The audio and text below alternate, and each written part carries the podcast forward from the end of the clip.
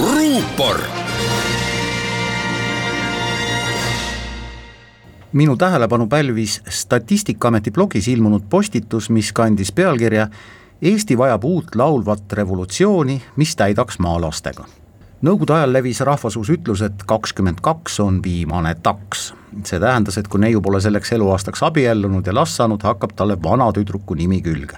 tänaseks on sellest ajast mitu head kümnendit möödas ning säärane ütlus ajalukku vajunud. Miks see nii on, selgitab viimase kolmekümne aasta sündimusnäitajate põhjal blogipostituses Statistikaameti juhtiv analüütik Mihkel Servinski Eestis sündis tuhande üheksasaja üheksakümne esimesel aastal veidi rohkem kui üheksateist tuhat nelisada last, kellest eestlasi oli kolmteist tuhat kolmsada.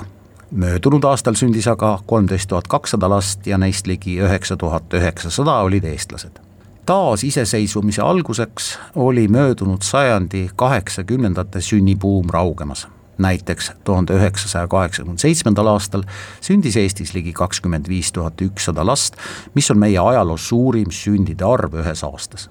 mis peaks olema eesmärk?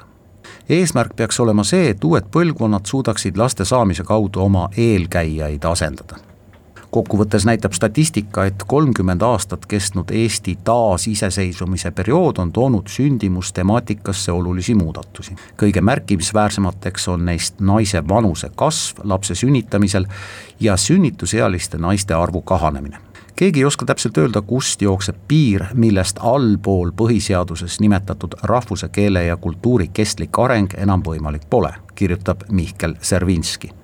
aga ta hoiatab, et oleme sellele olulisele piirile väga lähedal. ruupor